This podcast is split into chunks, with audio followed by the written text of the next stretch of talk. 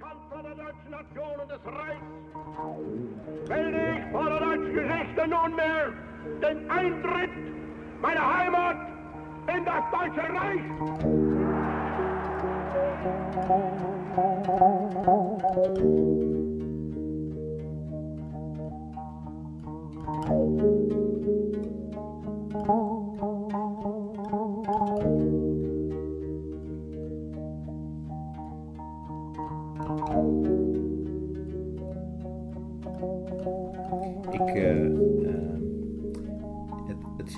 Beetje raar.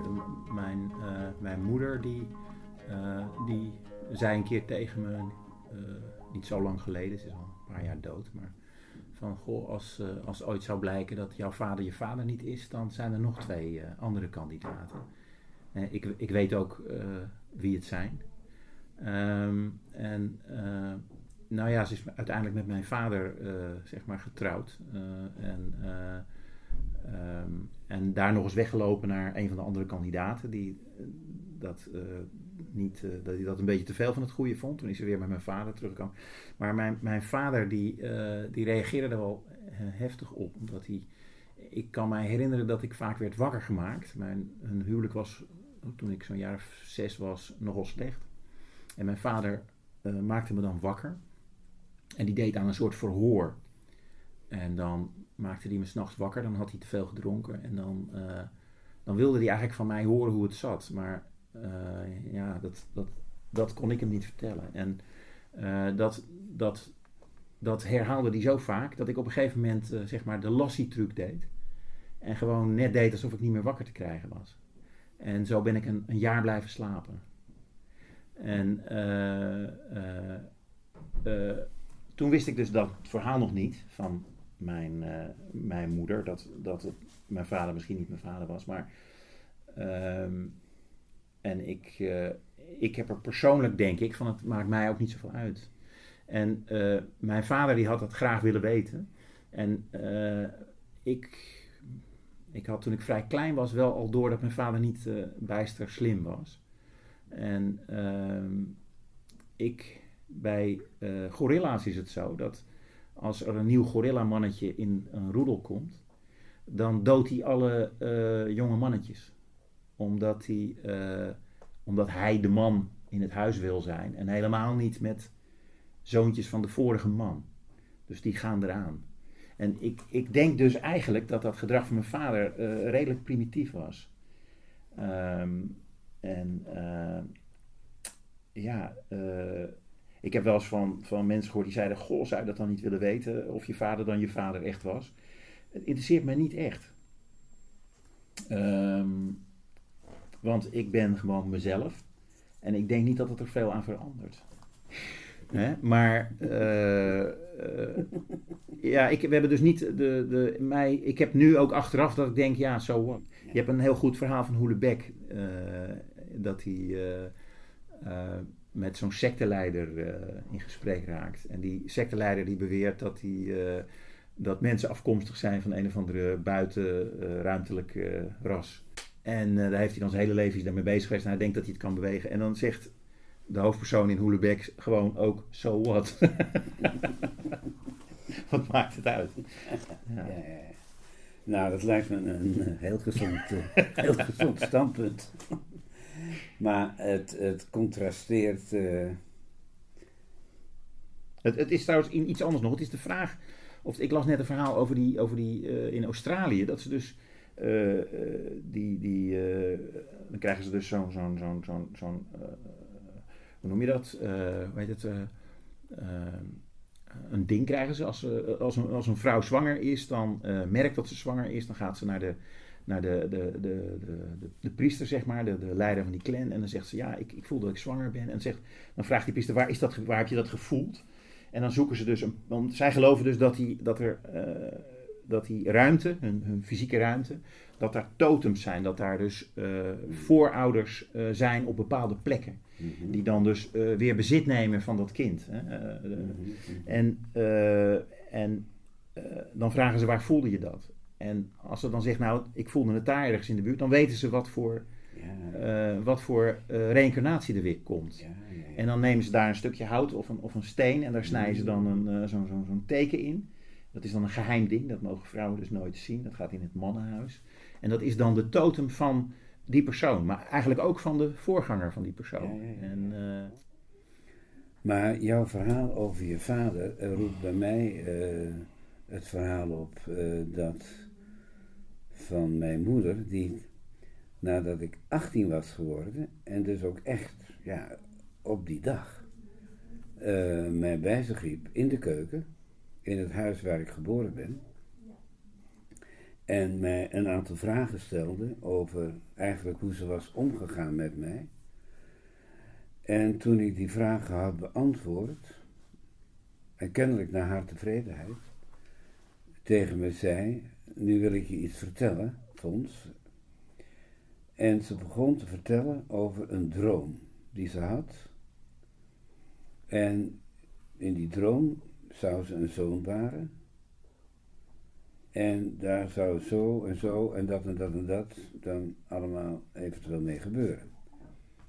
Nou, ik stond echt een beetje perplex. En ze vertelde vervolgens dat ze toen mijn vader heeft wakker gemaakt, ze gevrijd hebben en negen maanden later werd ik geboren. Nou, als ik zeg maar de enige zoon zou zijn van mijn moeder, dan zou je aan een soort, weet ik welk verhaal kunnen denken. Maar ze had al vier zonen, ik was de vijfde. Dus ze was niet naïef en ze had ook een paar dochters.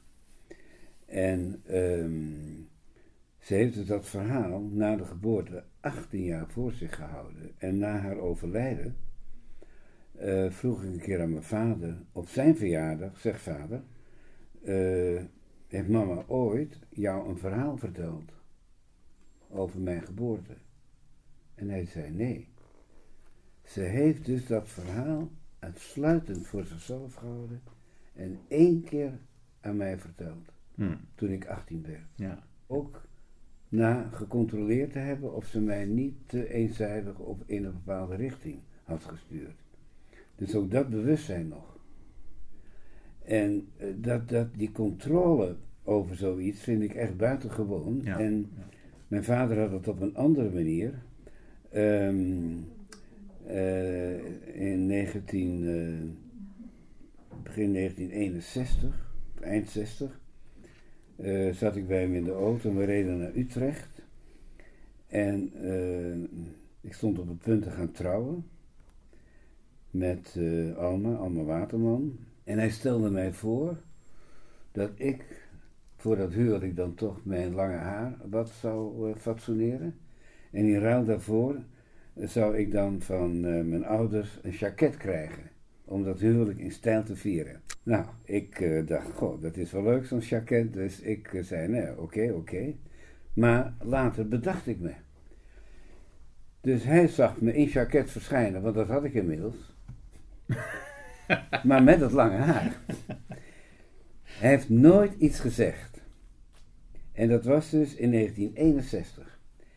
In 1980 kwamen we terug van een lange reis, notabene gemaakt met het geld uit de erfenis van mijn moeder, die was overleden in 78. En samen met mijn zoon Adam, de jongste zoon, maar zonder dat we dat hadden afgesproken, hebben wij ons in het uiterste zuidpuntje van Tamil Nadu in India allebei kaal laten scheren. En ik was er al heel lang mee bezig, want ik voelde dat ik door een transformatieproces moest. Had verder nergens met, niet met religie of toestanden te maken, maar gewoon met die innerlijke behoefte, ik moet door een radicale verandering heen. Hm, hm. Toen we na een eh, lange, lange reis terugkwamen en mijn vader mij kaal zag, zei hij, maar zo had het ook niet gehoeven. Ik bedoel, het is 21 jaar later Ja, en dan ja, denk je, wauw, wat een bewustzijn, wat Ja, een controle, niks vergeten. En het gewoon 18 of 21 jaar voor je houden en dan toch nog een keer even loslaten. mooi. Dus ik heb een soort start gehad, denk ik.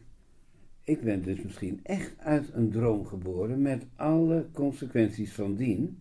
Dat dat bewustzijn van je moeder en van je vader, maar op die diepgaande manier, bij je binnendringt. Ja, ja. En ik zelf heb sterk de indruk dat mijn moeder is teruggekeerd in een van de kinderen en omgekeerd. Mijn tweede vrouw Judith, na de overlijden, ook weer is teruggekomen. En ik heb nooit in reïncarnatie willen geloven. Maar aangezien het we niet vergaan, dat wil zeggen het zijn, we behoren tot het zijn. En niets kan uit het bestaan vallen. Ook de materie niet. Dus de wet van behoud van energie. Ja, ja. Dus de dood in de letterlijke zin bestaat niet. Het is de tegenstelling van dit leven, maar als zodanig bestaat het niet. Er is uitsluitend transformatie. ja, maar volgens mijn moeder wou ik niet geboren worden. Dat wist ze heel, eh, Ja. heel stellig, dat ik eh, niet geboren wilde worden. Dat ze, ze moesten me er ook uithalen. Ik was, eh, ik geloof, twee weken te laat geboren. En ik ben daar dus echt.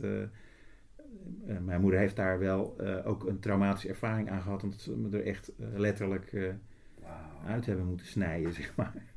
En, maar ze zei: Je wou niet geboren worden. Ja, ik wou er niet uitkomen. Ja. Dus ja, ja, goh, ik weet het niet. Ja, maar weet je, je hoeft geen psychoanalyticus te zijn of in de psychoanalyse ad fundum te geloven, wat ik zelf niet doe, voor zover ik daar enige notie van heb. En dat is natuurlijk dat dat bewustzijn van de ouders, en met name ook van de vrouw die je negen maanden daar in Ja, alle ja. intimiteit met zich meedraagt. En die dus zelf niet weet wie is de vader. En dus al die spanningen meemaakt. ja, ja, ja. Dus dat draagt ze op jou over. Ik bedoel, dat is niet. Hè? Dat bewustzijn wordt permanent gevoed. Ja. En er zit een hele bijzondere overgang in. Want zeg maar, de bevruchting van de eicel, dat betekent het begin van een individueel bestaan. Ook bij het dier, maar dus ook bij de mens. De geboorte betekent dat je de navelstreng wordt doorgesneden. Je verlaat de duisternis. Dus voor het eerst moeten je ogen licht zien, terwijl je gehoor al lang gevormd is. Je hebt alles gehoord. Dus geluid, en geluid is ruimte, en ruimte is muziek, gaat vooraf aan alle andere eh, zintuigen. Hm, hm.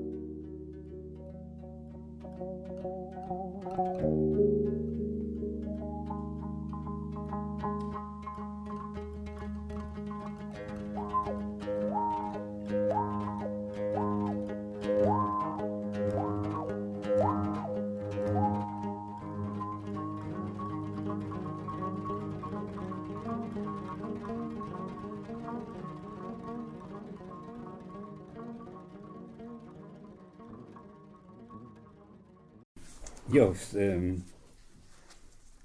ik heb mijn eh, afscheidsrede in de Domkerk gehouden.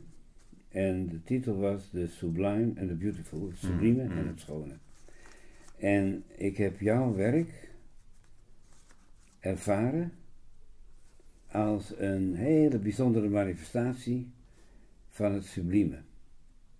Maar ik weet ook, doordat ik lang daaraan gewerkt heb, dat het sublieme tot de grootst mogelijke eh, misverstanden in ons eigen taalgebruik leidt.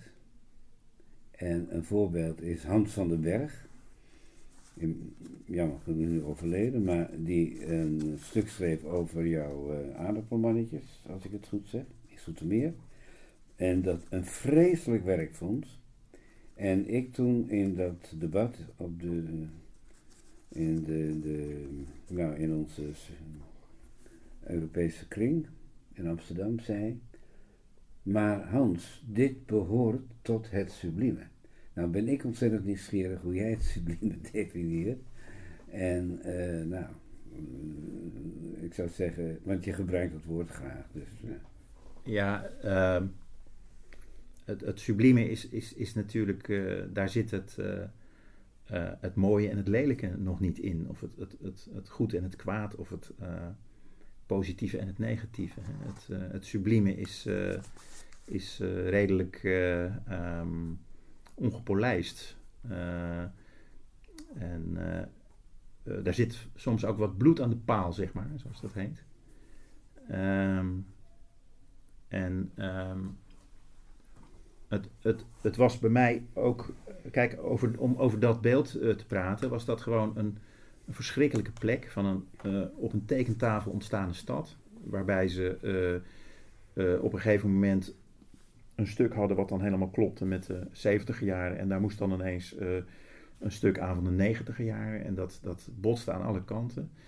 En daar hadden ze, dat was echt gruwelijk. En daar hadden ze dus een, een opdracht voor uitgegeven. Er vier kunstenaars voor gevraagd. En ze hadden gezegd, we willen iets met lampjes, met dingen, met, uh, want, want dan klopt het met het ene, maar het andere was zo ontaard dat ze, nou ja, ze wisten niet helemaal. Maar ze hadden wel een soort van opdracht meegegeven. En ik, ik had zoiets van, het is zo spuuglelijk hier en het is, het is zo'n gat, dat ik eigenlijk uh, door die kleilagen, waar Soetermeer op staat, uh, door die zandlaag, door die stad heen, zeg maar, in soort wortel te schieten. Ik dacht van, van wat ze hier moeten hebben is een een echoput of een holle boom of een, een, een werkende vulkaan of zoiets. Uh, uh, iets wat, uh, wat er is, niet iets wat bedacht is, maar iets wat, ja, een, een, een vijver zonder bodem, zeg maar. En het sublieme dus eigenlijk.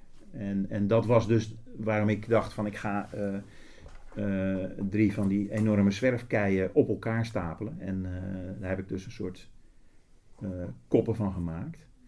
Um, omdat ik zelf bij, als ik van die hele grote stenen zie, dan krijg je, dan, dat voel je, dat is een, een, een fysieke ervaring door dat gewicht.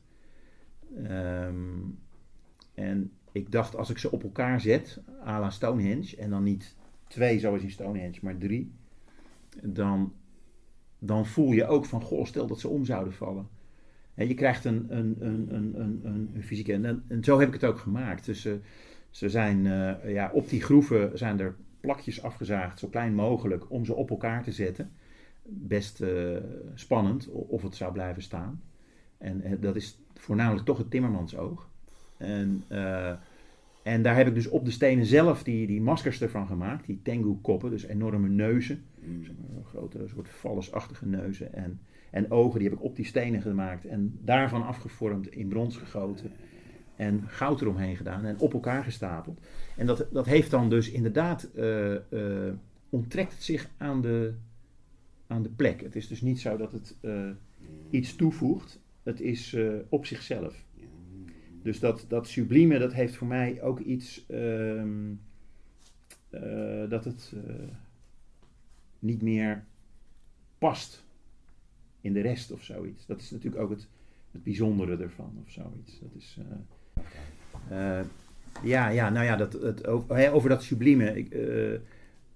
Er zijn zeg maar ook persoonlijke dingen waar, waarom dat me dat met aanspreekt. Misschien dat, dat oftewel, uh, zoals de Ieren uh, voor, voor Nazi-Duitsland waren, omdat de, Ieren, of omdat de, de Duitsers tegen de Engelsen waren. Ofwel omdat, omdat mijn vader voor mij Hitler belichaamde, dat, daar wil ik van af zijn.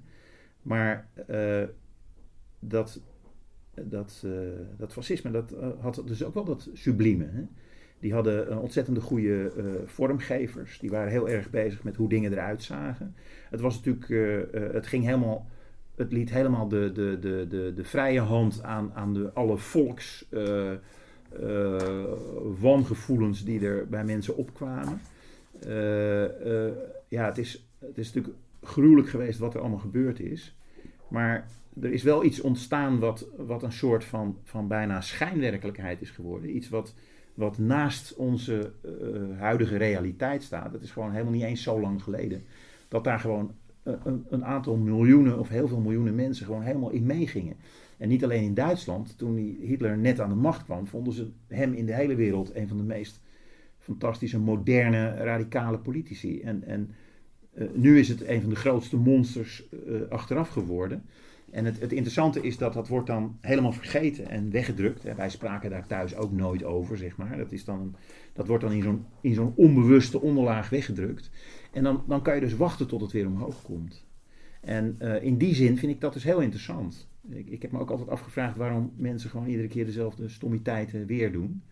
Ik denk dat dat daar dus ook mee te maken heeft met dat wij dat sublieme eigenlijk niet aankunnen. De dood hoort ook bij het subliem.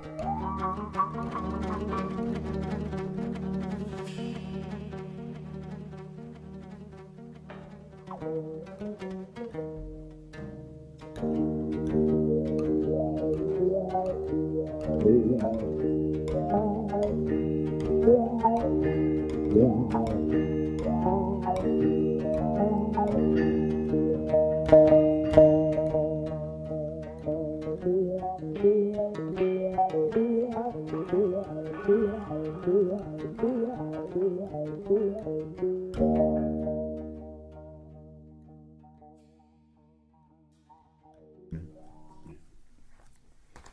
ik vind het. Ehm, je hebt eigenlijk de etymologische definitie gegeven van het begrip subliem. Het is namelijk soep. Limes is in het Latijn de grens. dus de overgang van het ene domein naar het andere. Sub is eronder door of ook aan gene zijde. Als je zegt een vijver zonder bodem. dat je daaraan hebt gedacht, in die kleilaag en die zandlaag enzovoorts. Om uh, ja, dat beeld van die aardappelmannetjes zijn eigen enorme ontologische, eigenlijk grenzeloze dimensie mee te geven. Maar er zit iets, um, uh, het sublieme raakt onze Europese cultuur op een hele specifieke manier. Ik denk niet dat er één cultuur in de wereld is, voor zover ik je überhaupt zo'n uitdrukking mag bezigen, het is ontzettend aanmatigend, als de Europese. En dat is namelijk, dat wordt duidelijk als je de geschiedenis van het begrip subliem uh, bestudeert. Uh, bij de Grieken in de tragedies, denk maar aan Medea, denk maar aan Oedipus, uh, Antigone, was men in staat met Sophocles, Euripides, om eigenlijk het meest gruwelijke, hè, je dood, je kinderen, om op die manier je man te treffen. Hè? Nou, en ja, bij Aristoteles wordt het dan de catharsis-theorie. Uh, je transformeert dat in het drama of in de tragedie, in de muziek, in de, niet te vergeten, de rituelen, om via die ritualisering door die angsten en die diepe tegenstelling heen geschreven. Het sublieme was het grenzeloze. En het bijzondere van de Griekse cultuur is dat het eigenlijk zo vormbewust was dat het het grenzeloze, het oneindige als negatief ervoer. Daar zat dus ook die duistere krachten. Dat oneindige is vervolgens onder invloed van het christendom een positieve kwaliteit geworden in de vorm van God. Alleen God is volstrekt oneindig. En in het verlengde daarvan werd het in de loop van de jaren, of van de eeuwen kan ik beter zeggen, werd het sublieme de overtreffende trap van het schone. En dat duurt tot diep in de 18e eeuw. En met name ook de barokperiode en wat er nog op volgt, hè, met Vivaldi, met Bach en Hendel en dergelijke, ervaren veel mensen als de meest sublieme muziek die er ooit gecomponeerd is. Maar het is wel een muziek die gecastreerd is, die losgemaakt is, zeg maar, van de vitale impulsen. Dus daaraan ontleent hij die enorme schoonheid. En wat is nu het heel bijzondere? Dat in de, in de eeuw ontstaat er een sterke tegenbeweging die wij dan romantiek hebben leren noemen. En in die tegenbeweging ontstaat een transformatie van het begrip subliem. En die transformatie houdt in, onder andere bij Edmund Burke, dat het weer de tegenpool wordt van het schone. Dus niet meer de overtreffende trap van het schone, maar de tegenpool. En dat is, ik zou bijna zeggen, God betere, de periode dat de Amerikaanse en Franse revolutie uitbreekt. En dat het hele opvatting van tijd transformeert van de tijd die nog gekoppeld was aan de natuur, naar de Newtoniaanse opvatting van tijd als een rechte lijn die tot in het oneindige doorloopt. Dus je krijgt een totale transformatie van het paradigma. En elke president van de Verenigde Staten, de toekomstige tijd is nog belangrijker dan het heden. En die hele Amerikaanse natie is ervan doortrokken. Het fascisme is ervan doortrokken. Al die ideologieën, Marxisme idem dito, op het moment dat je ze tegen de lat van het sublieme aanlegt, hebben ze dezelfde wortels. En onze cultuur is dus politiek gespleten, maar de wortels zijn dezelfde. En jouw werk, want in feite heb je het, ja, misschien zonder dit verhaal te kennen, ontzettend goed gedefinieerd door te zeggen: het sublieme is nog ongepolijst. En aangezien het grenzeloos is, is het ook ongepolijst. En ik zelf heb Ehm, maar daar hoef ik dan verder nou niet over uit te wijden. Maar ik wil het jou wel uh, op die manier zeggen. Ik zelf en heb uh, mede te danken aan uh, Lama Govinda. Eh, een Duitse monnik die boeddhist is geworden in India, Sri Lanka en India. En die uh, brengt dat thuis, of althans ik heb dat op mijn manier gedaan, in wat hij noemt de centrumzoekende kracht en de centrumvliedende kracht. En de centrumzoekende kracht is dan binnen de esthetiek, zeg maar, dat schoonheidsideaal, hè, van vorm, van ideale verhoudingen, van dit, van dat. En de centrumvliedende kracht breekt daar doorheen. Is die vitale oerkracht die streeft naar verandering of naar vernieuwing, wij zouden zeggen verandering, maar naar vernieuwing, hè, die uh, de dood overwint. De, het sterven behoort, behoort dan ook tot het sublime. Het is de meest radicale overgang die je als mens kunt meemaken. En ook de meest belangrijke, belangrijker denk ik nog dan geboren worden. Want de manier waarop je weer in die oneindige ruimte binnenstapt om onder te gaan en weer terug te keren vanuit die hè, kosmische orde, in welke vorm dan ook. Hè, want in Japan, zoals je weet, uh, vindt dus die transformatie ook plaats tot jij kunt een steen worden, hm. ik kan een plan.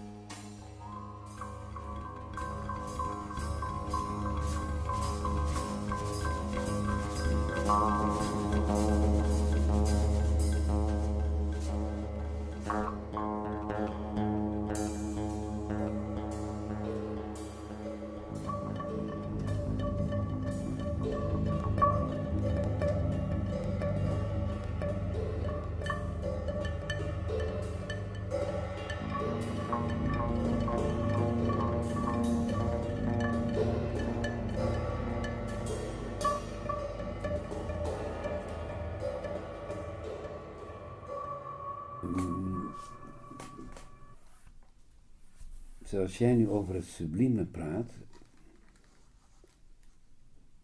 door die vergelijking te maken, nou, zeg maar, richting bijvoorbeeld Japanse cultuur, denk ik dat het uitgangspunt ehm, toch anders moet worden ingenomen.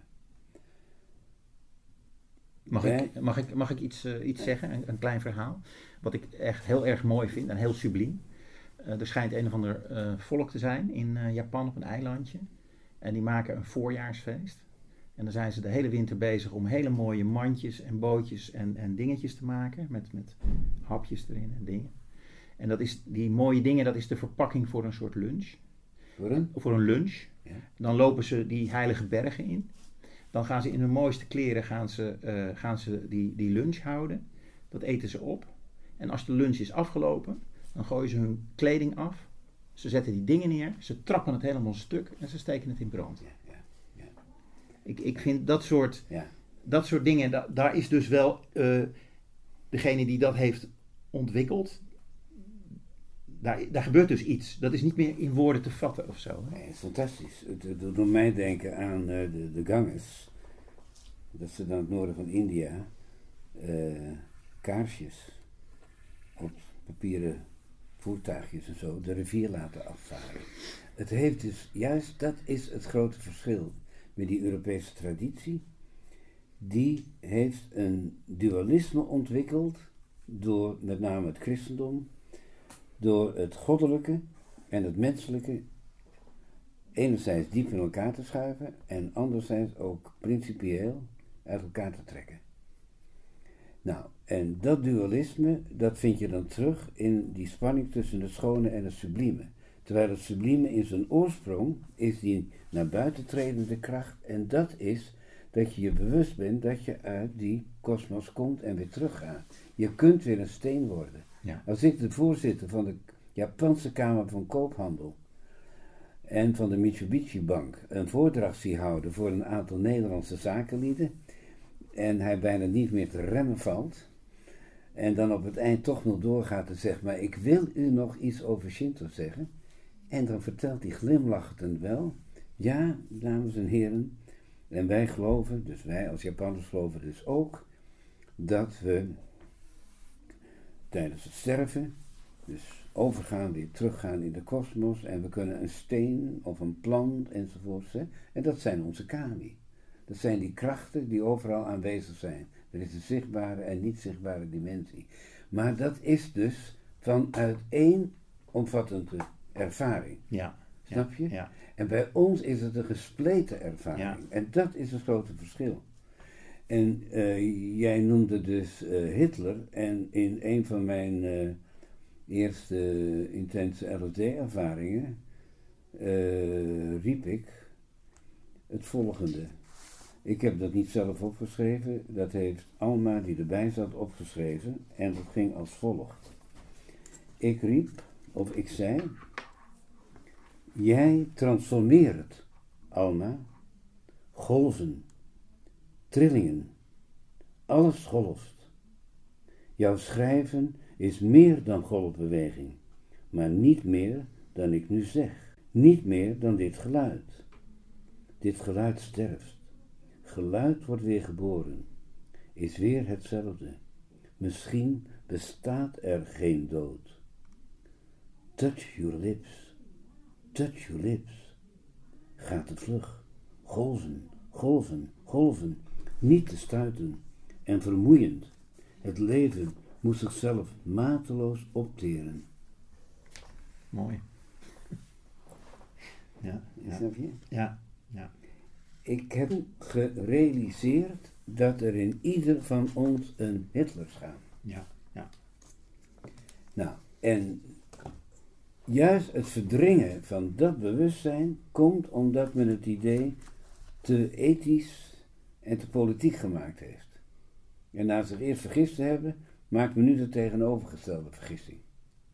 Door het weg te drukken. Ja. En juist door het weg te drukken komt het langs alle kanten via anti-islamisme en weet ik wat meer weer boven.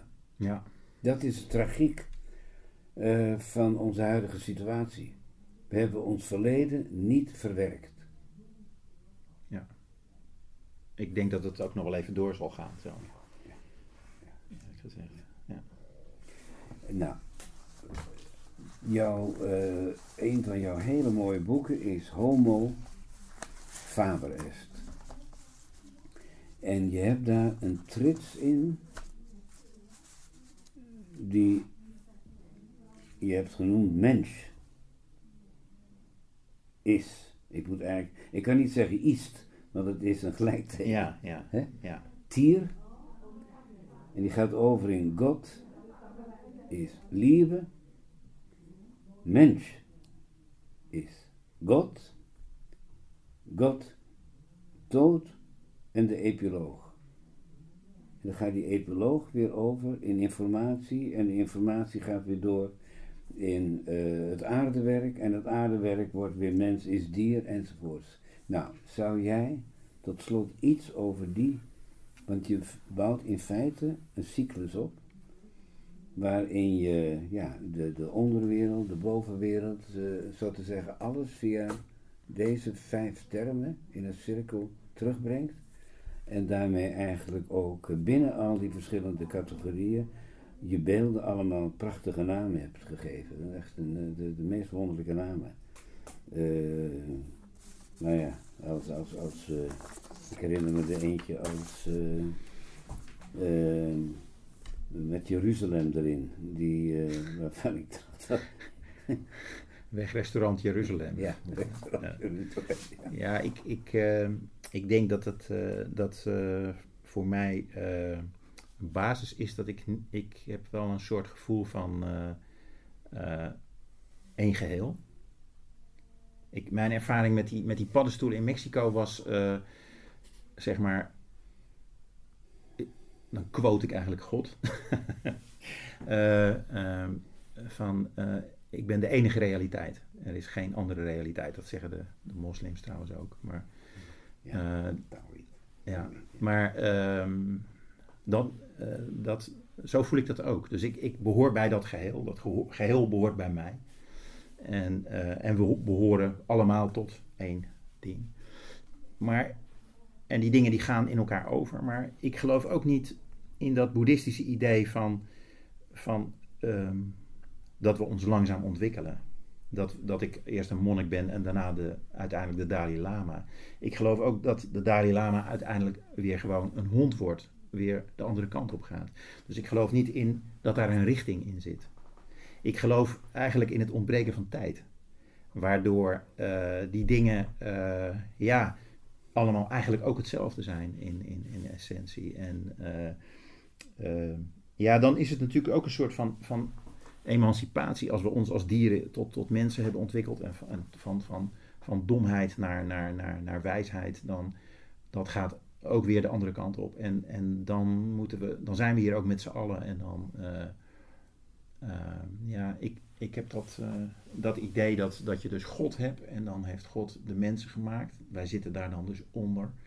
En dan heb je, hebben wij weer gezegd van ja, dat staat zelfs in, in het Oude Testament. Hè? Dan hebben wij weer die dieren onder ons. En uh, die, snap je, die dieren die hebben dan weer de lagere. En dat er zo'n rang. Dat, dat, dat vind ik een beetje uh, onzin. En ik denk dus dat, uh, dat, dat wij dus ook God zijn. En, en, en andersom. Dat het één ding is. En dat. ja. Dat is eigenlijk wat ik daarmee bedoel met die cirkel. Ehm, als die tijd er helemaal niet zou zijn. Dan. Ja, maar die is er ook Nee, dan zouden we die. Snap je? Nee, maar die is er ook niet. Nee. Die is er nee, ook niet. nee. Het is gewoon de beweging van. Het is de ruimte, het bewegen. Nee, maar goed, dat, dat is natuurlijk. Uh, uh, uh, dat komt het dicht bij ons begrip dat er niet zijn van de tijd. die kaarsjes die die gangers af, afgaan, waar gaan die dan heen? Noem maar op. We zouden het graag willen controleren. Maar die gaan uit ons gezichtsveld. Hè? Of, of, of, of, of zo'n meertje zonder bodem, dat, dat, dat, dat is buiten ons, ons ding. En ehm, en daar zijn wij dus te, toch, toch te, te, te, klein voor, zeg maar. Dat, dat, dat redden we dus niet, hè? Dat we dat geheel uh, zouden kunnen overzien. Ik, ik bedoel, dat is ook goed ja, als mensen. Dat, om... dat is juist. We kunnen dat geheel niet overzien. Nee. Karl Popper zou zeggen, uh, omdat die waarheid en werkelijkheid, hè, hij gelooft dus, nou, daar ligt de fundamentele link. En hij schreef in 1963, we komen dichter bij de waarheid, maar zullen die nooit bereiken. Ja. Waarop ik dacht, maar hoe weet je dat? Ik benaderde dat puur formeel, hè, een ja, soort formeel logische vraag. En ik dacht, als je dat weet, dan klopt je uitspraak niet. En als die niet klopt, dan kun je dat niet weten. Ja, dus zoiets. En toch had Popper gelijk en ik niet. En wel om de volgende reden. Dat, en het is eigenlijk exact wat jij zegt. Wij participeren in ons bewustzijn aan een bepaalde grenzeloosheid. Die grenzeloosheid staat voor alles wat wij in de expliciete orde, zoals Boom dat noemt, hè, niet zijn, in, niet in de fysieke zin, maar wel in de genetische zin. Dus wat diep verborgen in onszelf aanwezig is, maar wat we ons niet in ons bewustzijn adequaat realiseren, dat veroorzaakt die spanning. En ik herinner me dat, uh, ik ben gek op rivieren en zittende bij zo'n rivier en dan een bananenschilder ingooien. En die drijft dan zo heel langzaam weg.